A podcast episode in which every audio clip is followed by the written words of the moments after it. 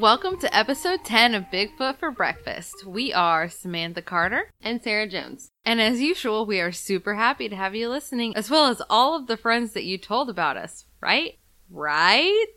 All the friends. Anyway, while you're in your podcast listening app, please don't forget to hit that subscribe button. And if you really want to help out the show, leave us a rating and a review. It's a huge deal to us, and it only takes a few seconds for you, and we appreciate it immensely. This past week was Halloween, and we had a little contest going for those of you who left a rating and a review for us. We had a drawing for a t shirt and an insulated coffee mug, and we're happy to announce that it was our father, Rich Carter, who was chosen by the Magic Wheelie app. I don't even know what it's called. Wheel of Fortune? I don't know. Put everyone's name into it, so it randomly picked, and congratulations, Papa. You're the happy owner of a shiny new glitter mug. We'll probably not glitter it. No, we will. We should. We will. we solemnly swear that that was not rigged. We want to say thank you to everyone who's listening and make sure that you guys know how much we really do appreciate the participation that we got. We really like knowing that we can interact with everybody and that we're keeping your interest and you don't think we're boring and all that stuff. Well, some of Um, you. Some of you don't. Some of don't- you might think we're boring. we don't know what the rest of you think. Um, we really wish we could just give everybody this stuff. Unfortunately, we can't. However, we are going to continue having contests in the future to you guys who want it. Shout out Angie. She's ready to murder for a mug. So stay tuned for that, and another one of you will be a lucky winner. Hey, do you like politics, conspiracy, current events, and just plain whimsical nonsense? These topics and more can be found on the Question Everything Guys podcast. a weekly episode podcast available on iTunes, Spotify, Spreaker, Stitcher, Google Podcast, and various other podcast hosting platforms. No topic is ever too serious. None of the jokes are politically correct, and all of the questions come with minimal answers. Huh? What? Come join your host, Lanny B, Sean, The Mick on, on the Question Everything Guys podcast. That's going. We've gotten some episode requests. Basically, several of them amount to more aliens. Kyle. Kyle. and others. So while we can't cover aliens on every show because we must spread the mystery butter across all parts of the imagination bread, we do so love aliens. Suddenly, I have like a real serious craving for toast. So we're gonna go there today. But I can't feel I can't feel. I can't feel my face. I'm numb. But I feel like we can't dive into this otherworldly pool without starting near the beginning. I say near the beginning because the story that we're telling today isn't the first alien encounter ever recorded, or even maybe the most spectacular. But it did seem to be the one to get the ball rolling in the alien craze and really generate interest in what lies beyond the world we know as planet Earth. So let me set the mood for this one. Fade from black. It's just before midnight on September 19th, 1961.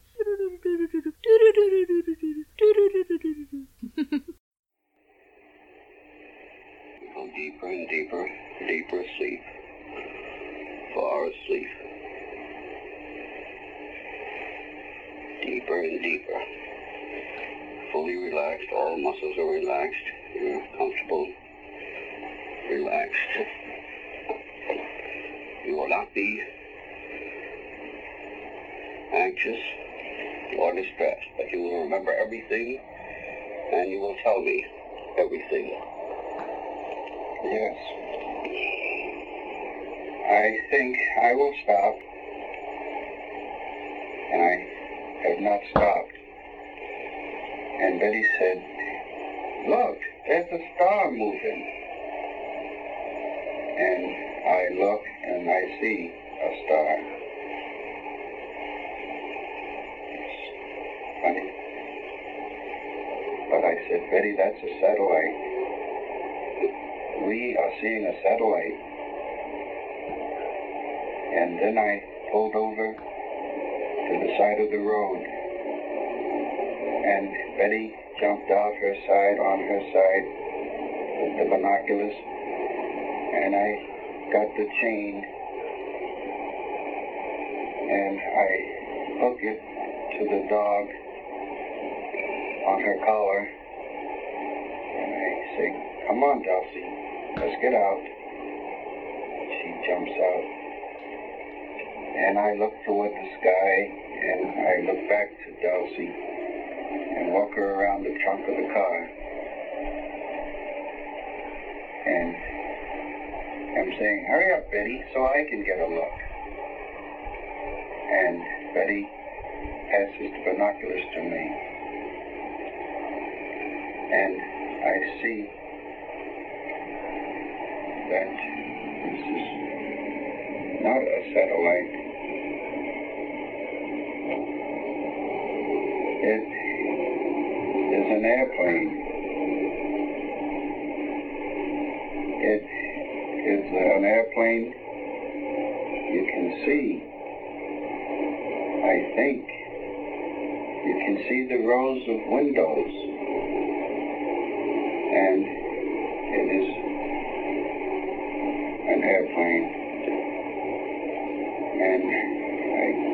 Betty this and give the binoculars back to her. And I am satisfied. And I drive, and Betty is still looking, and she says, Barney, that is not a plane. It is still following us.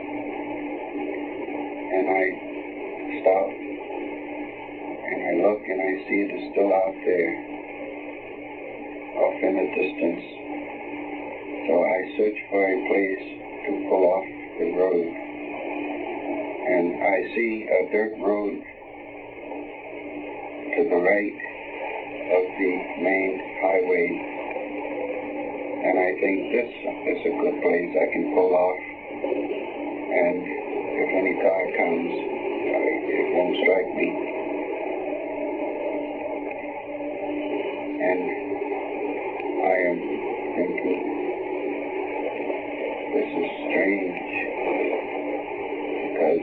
still there.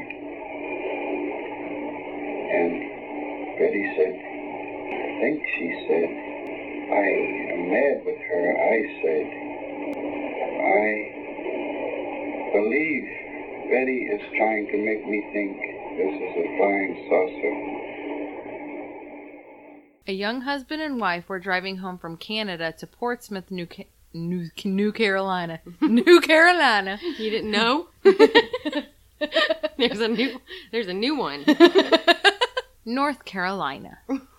Check that. She was peering out the window, admiring the night sky, when she pointed out a light above the horizon that seemed to be moving about in strange ways. It wasn't like any star or plane that they had seen before. She got excited about the unfamiliar sight and she told her husband to pull over. At first, the very reasonable man refused, stating to her that it is just a satellite. But he saw it too, and as the light continued to move more erratically, he became quietly unsure of what he was seeing as well. The light was getting closer, and it seemed to be following them as they drove down the lonely Route 3 highway just outside of Indian Head, New Hampshire. Here is where they slowed to a stop on the side of the road and got out to observe the strange orb, and she jumped out of the car with the binoculars while he grabbed their dog and brought her out with them. He takes the binoculars from his wife and peers through them to get a better look. Maybe it's an airplane. He sees rows of windows while looking at the craft and convinces himself that he's seeing an airplane. The couple gets back in their car when she exclaims, It's not an airplane. It's still following us. He realizes that she's right. So again, he pulls over the car and he gets out to take a better look. Wait, husband realizing that his wife is right. Nah. That alone makes this a record breaking affair. And in the 60s. Sure enough, the craft was still there. She's excited and she's yelling at him with wide eyes. Look at that. It's strange. It's not a plane. Look at it. But, being a sensible guy, he's still sure that she's wrong. He tells her to be quiet and he listens intently, trying to hear the hum of the plane, to hear the motor. He's becoming annoyed that she keeps trying to convince him that they're seeing a flying saucer because he refuses to believe this. By now, the craft is close, maybe a thousand feet away, and they hear nothing, only quiet. It's very big now, it's closer. And the way it moved was fast. It shot back and forth like they had never seen an aircraft move, like a ball hitting a paddle. He's scared now, and a feeling of overwhelming dread has come over him, and he fights back the urge to show his wife any sign of nervousness. He thinks about his gun in the trunk of the car. He runs quickly for the trunk, he opens it, he grabs the gun and gets back in the car with it. He grabs the binoculars and he peers again at the craft outside of the car. It's still there, and now it's hovering over them, still eerie and quiet. He's shaking and he thinks to himself, I'm not afraid, I'm not afraid. I'll shoot it down if I have to. But why doesn't it go away? At this point, the man describes seeing the rows of long windows now without even using the binoculars. Each row is one big window with no dividers and one big bright light filling all the windows. The entire craft is round and flat, like a pancake, he thinks. He tries to convince himself that he is hallucinating or that he is dreaming. He lets his binoculars fall from his face and dangle around his neck, closing his eyes for a moment. He opens them again to find that he is not imagining anything. And now he's terrified. Why is it still here? What do they want? Through the windows, he can clearly see people now. Nope. Nope. One of them appears friendly. He's waving. Hey! Hey! Hey! Throwing a peace sign. So he has a big round head and slanted eyes, and he's looking at him over its right shoulder, and it's smiling.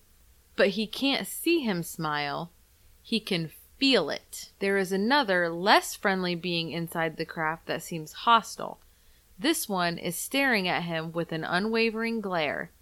He feels like this one is more superior, and he feels like he's being directed to keep looking and stay where he is. I was looking at him with binoculars. Oh. Mhm. Did they have faces like other people? You say one reminded you of a red-headed Irishman. His eyes were slanted. I see it so. His eyes were slanted. But not like a Chinese. What was Betty doing all this time? I, I, I'm not close to her. I don't know. You're out Uh, there by yourself now? You don't think of her. Is she saying anything? I can't hear her. Did you make any outcry to her, the way you did to me? I, I, I, I, I, I, can't remember. I don't know. I did not. You would remember it if you did. I, I did not. But I know this, this creature, this leader is telling me something. He's telling you something. How? How is he getting it to you? I can see it in his face. Do you see his lips move? Yes. No, his lips aren't moving. Yes, go on. He's telling you. And he's looking at me. What did he tell you?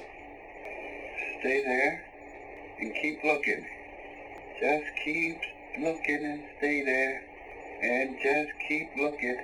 Just keep looking. Could you hear him tell Oh, I gotta pull these binoculars away from my eyes.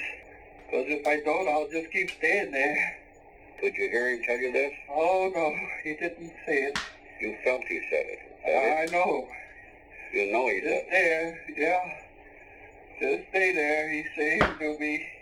Yes, All right. I'll dig in my head. Just All right. pull the binoculars away. God, give me strength. All right. Pull it down. Run! Pull the binoculars down and run. God! It says my God, give me strength. I gotta get away. Oh! Oh! Hey! All right, all we gotta get away, buddy. All right. Calm down. Calm down. I'm driving. I gotta get away. Oh. How could you be sure he was telling you this? Calm down. You're still asleep. Oh. How could you be sure he was telling you this? His eyes. His eyes. I've never seen his eyes before. But you said they were hmm. friendly. You said they were friendly. Oh. Oh, no. So there's the head guy, and then there's Moon Moon Alien. Right. Amongst others. God damn it, Moon Moon. He's not sure how he knows this, but what he wants to do is pull his binoculars away and run. He can't stop looking and he can't move, but every bit of his body is screaming at him to put the binoculars down and run back to the car.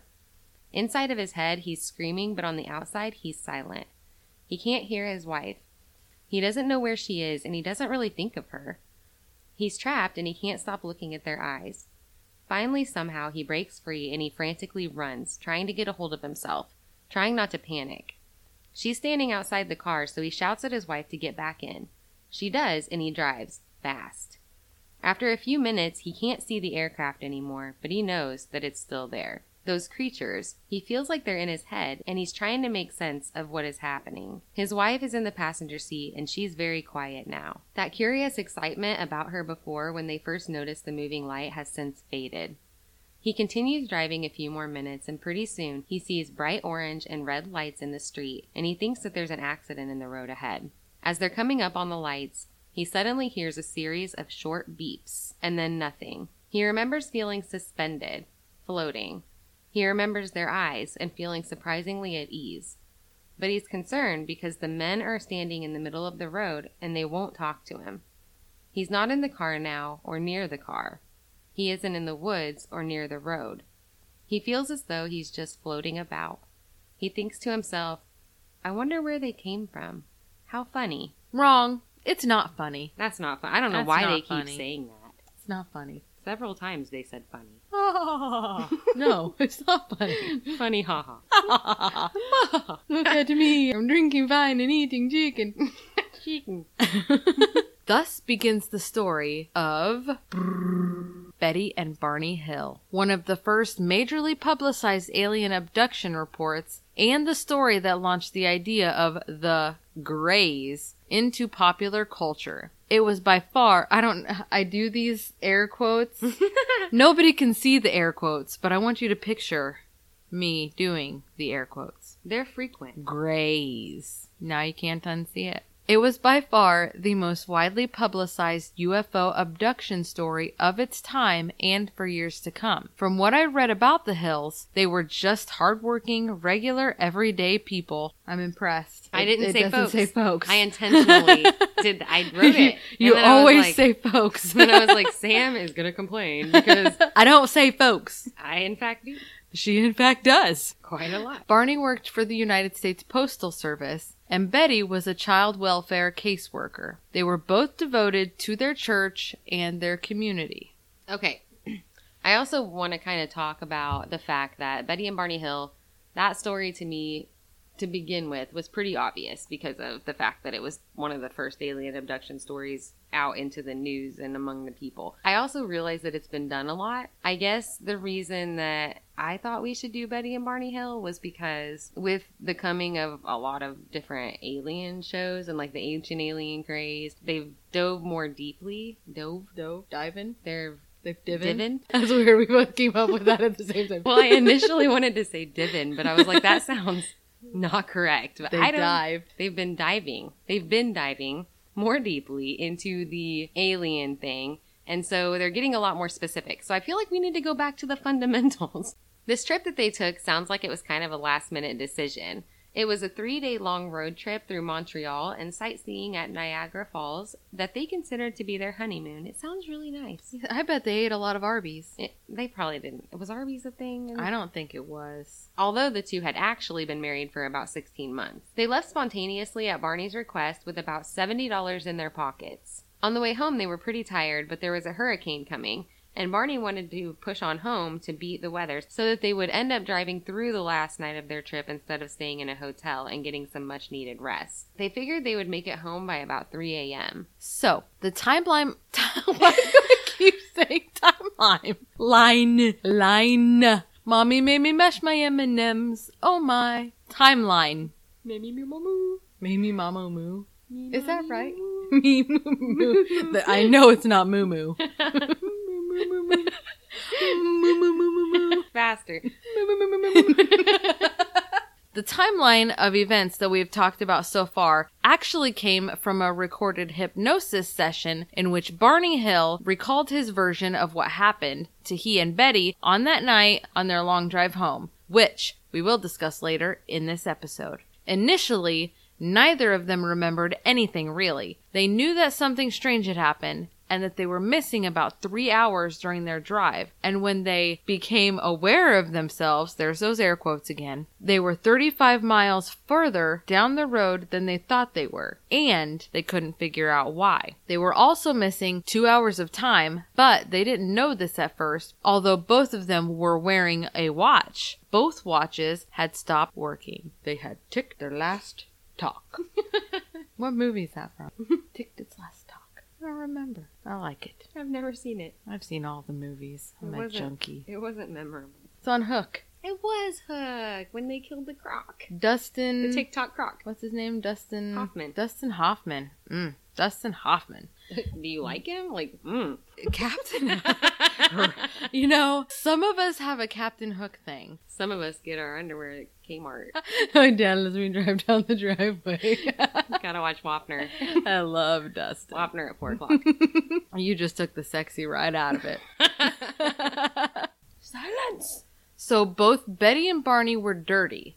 Their shoes were all scuffed up, and Betty's dress was torn. What in the world could have happened to them? What outside of the world could have happened to them? A few days after returning home, Betty was so perplexed by this that she called a friend of hers from the Pease Air Force Base named Major Paul Henderson. She told him that she suspected that they saw a possible alien aircraft, and she told him when and where it happened. From there, he checked radar data from the area and this actually did show a possible unidentified aircraft in the area, and that there were two reports that night from other people who stated that they had seen something strange in the sky. These reports were included in Project Blue Book. For those who aren't aware of Project Blue Book, it's a study that began in 1952, the third of its kind. Let me reiterate 1952, the third study on alien aircraft of its kind in that time. Anyway, it ended in January of 1970 after a termination order was given in 1969.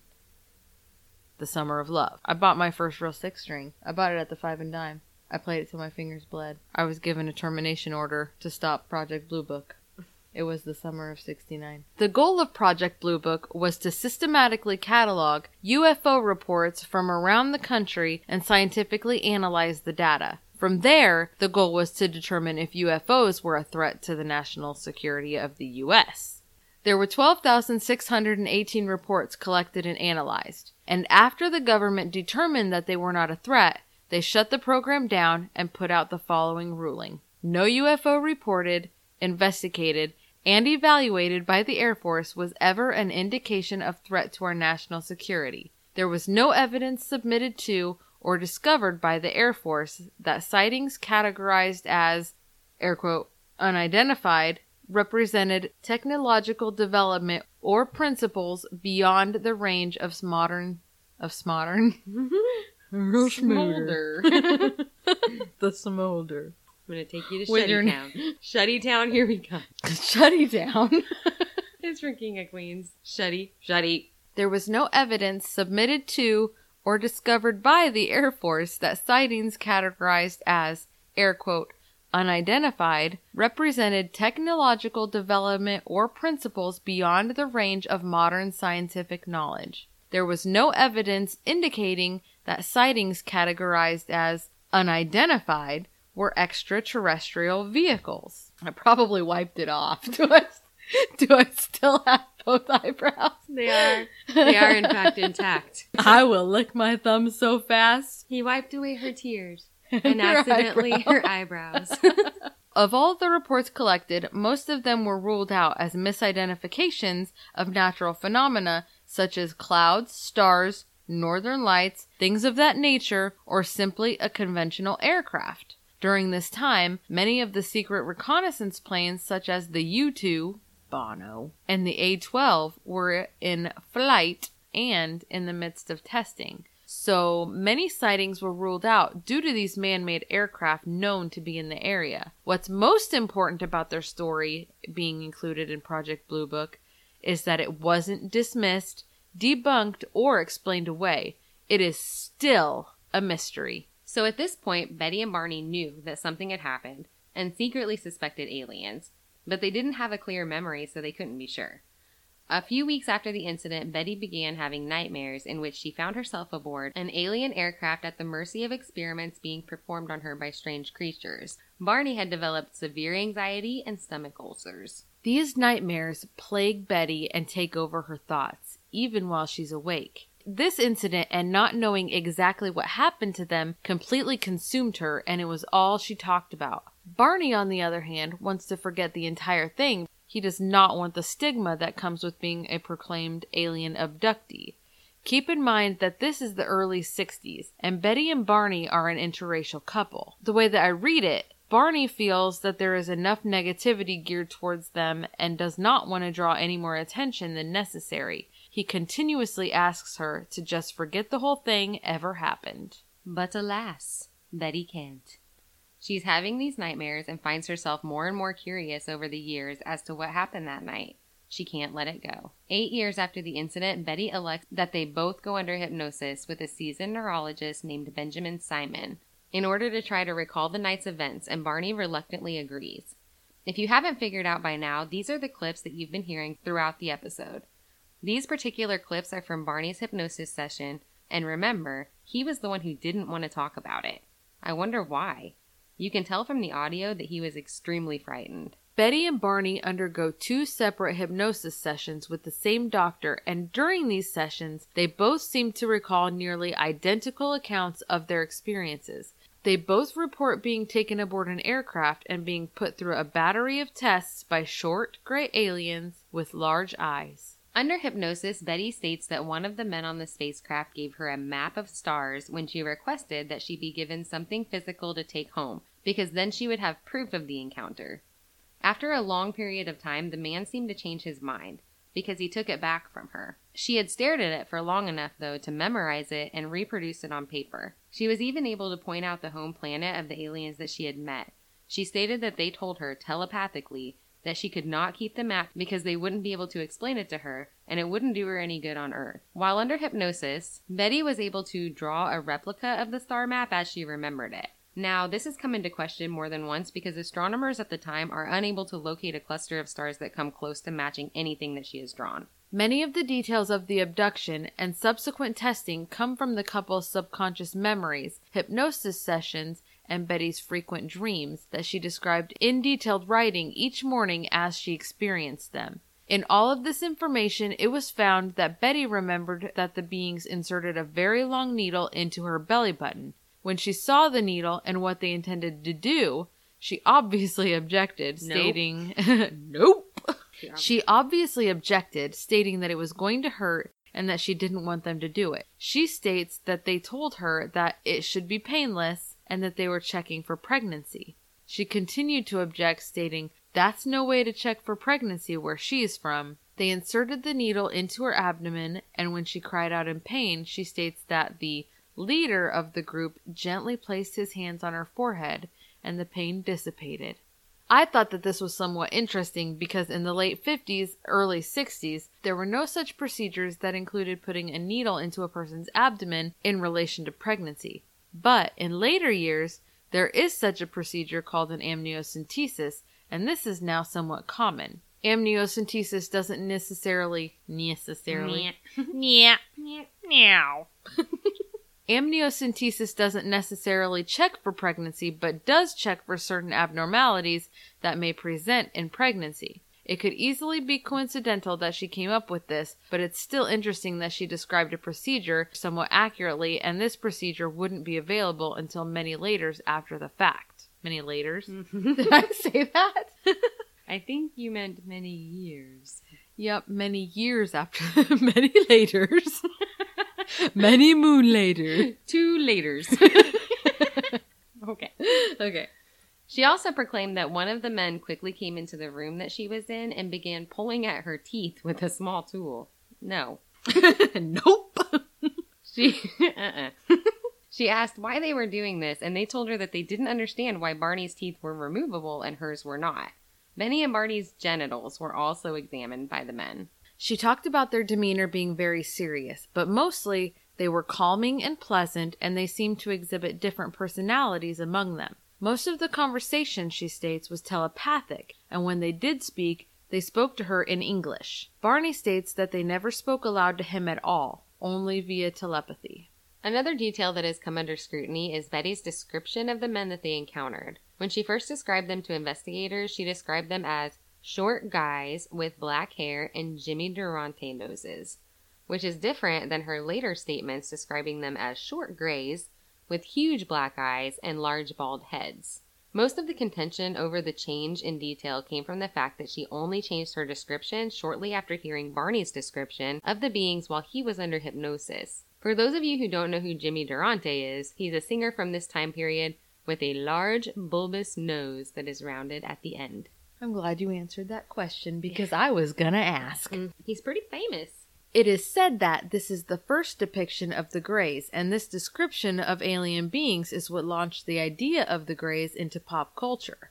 Although the aliens weren't necessarily a topic of interest or something that was portrayed regularly in entertainment, it's been found that this it's been found that there was actually an episode of The Outer Limits that was shown 12 years prior to the Betty and Barney Hill incident, in which alien beings were shown in this manner. Obviously, they were questioned about this and deny ever having seen the episode, but there are a lot of skeptics out there that say they had probably seen it. This encounter and its subsequent fame also seemed to change the way we look at aliens and the way that stories were told about them. Before Betty and Barney Hill, they were portrayed as the little green men type of aliens that were often friendly and that seemed in ignorant awe of us earthlings, like the little wobbly green aliens with the big eyes. The Weebles wobble, but And they the- don't fall down. They have like antennas. Oh, the antenna alien. Yeah. Betty and Barney's story was really the first one to make us think that we should fear aliens or think of the possibility that they may be so curious about us that they might kidnap us and perform tests in order to study us. This idea was terrifying, obviously. And let's face it, people love terrifying and mysterious, so their story took hold and spread like wildfire across the United States.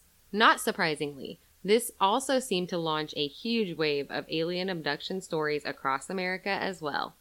Lots of people wanted a piece of the otherworldly pie, so it's hard to differentiate the fiction from the reality here. Some of these new stories may have come from other victims who had just been too afraid to tell anyone before, but we'll never know if that's the case or if they were just totally fabricated. Or if it was LSD. Was LSD a thing in the 50s? And In the 60s? Yeah. yeah, I guess it was. Barney Hill passed away just a few years after the incident, but Betty lived much longer, well into old age. She's done a lot of interviews since then, but details in her story have changed numerous times over the years. Her credibility has come into question by so many skeptics. She is said to be fanatical and delusional with an obsession over UFOs and alien beings dating back to before the incident occurred outside of Indian Head on Route 3. Interestingly, Benjamin Simon, the neurologist who had hypnotized the Hills, had his own opinion. He did feel that they were sincere people and that they didn't necessarily make up the abduction story, but he speculates that Betty had such wild dreams that she dreamed the entire incident and woke up from this lucid dream thinking it to be true. Barney had just absorbed the entire thing from Betty's telling of it and subconsciously adopted it as his own experience as well. So, like, would they have made up the whole road trip? I don't know, but he seems like not the type of person who would do that. No, I agree. And actually, he really seems to be trying to keep low key throughout his life. Like, he just wants to live his life as a postal worker and chill out. And Betty keeps screwing it up with her drawing attention. He didn't really want this event. No. He didn't want all this attention at all. Betty, on the other hand, Yeah, exactly. seems like she likes it. I definitely have a hard time with one person being so impressionable as to think that the dream was a real thing. I know that it happens, but it's not really common. Betty may have been the exception to this if she really was as UFO obsessed as people reported. Maybe her dreams did seem so real to her that she took it as reality. Having this happen and then a second person thinking it to have happened based on just hearing it, I feel like this is really far fetched, even more far fetched than the incident having actually occurred. So I guess I'll go ahead and insert my two cents here, if it's worth that much. Honestly, I think that there's definitely something to the Hills story. I think that the initial story is real. The account given by Barney Hill under hypnosis, anyway. If you've read much about this encounter, you'll find that it seems like Barney just really wanted to keep the entire thing quiet from the get go, like we just talked about. Betty was a lot more outspoken about it, and she was the one reaching out to different people to tell the story. He was extremely reluctant. Think about it from Barney's point of view. It was the early 60s, and during this time, there was still a whole lot of blatant racism happening here in America.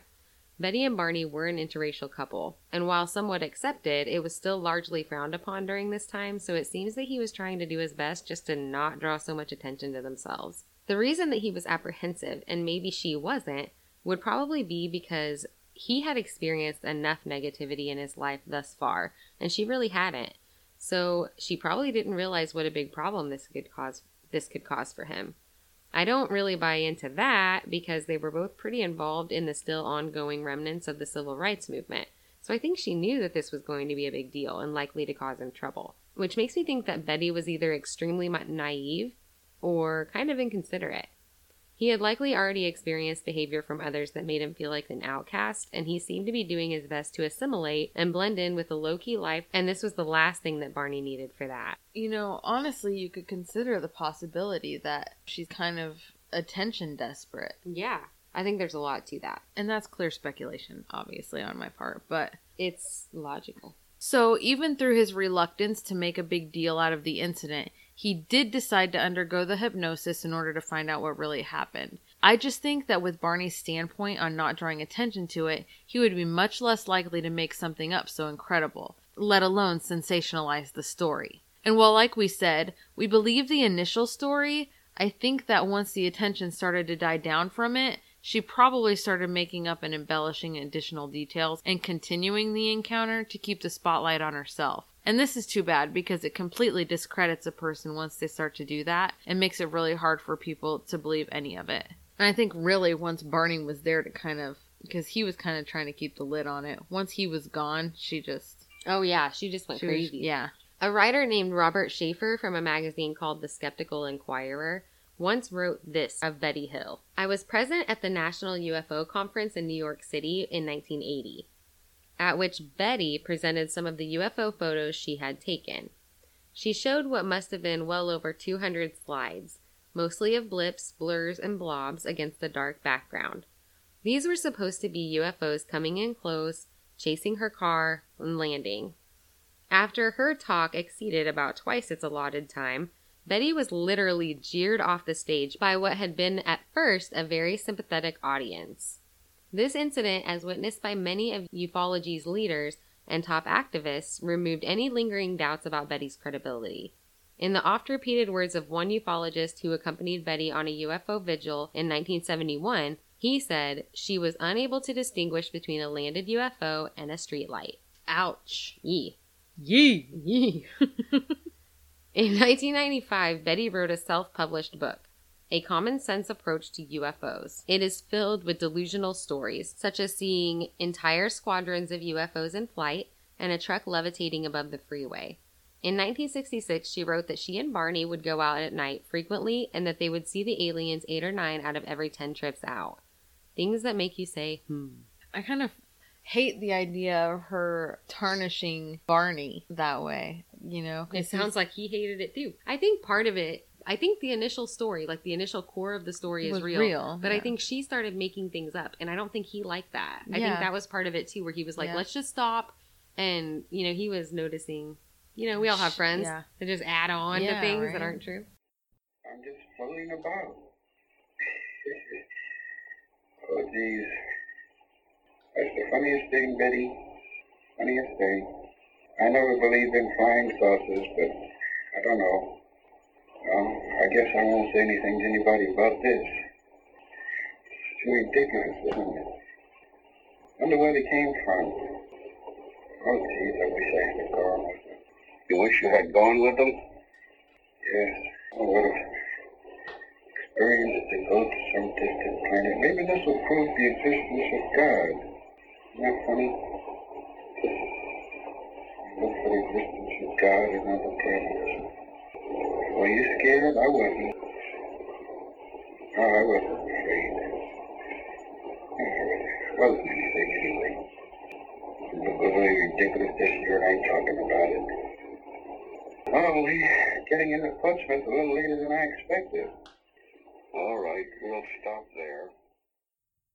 All right, well, people. Folks, That's the Betty and Barney Hill story, one of the earliest reported and widely talked about UFO incidents. What do you think about this? Let us know on our Facebook at Bigfoot for Breakfast or on our website www.bigfootforbreakfast.com and leave a comment on the show notes. We would love to hear from you. Um, love to hear your opinions on this. You can also find us on Twitter and Instagram. Add us and get early info on upcoming shows. Thanks so much for listening to us, and be sure to tell your friends and spread the word. Also, don't forget to push the subscribe button to our podcast. This will update you when there's new episodes and help us out too. And if you have a few extra minutes, don't forget rate and review on iTunes. See you next Monday. we want to believe. The truth is out there. Fire photons. Pew pew. My retainer is a Klingon warship. I am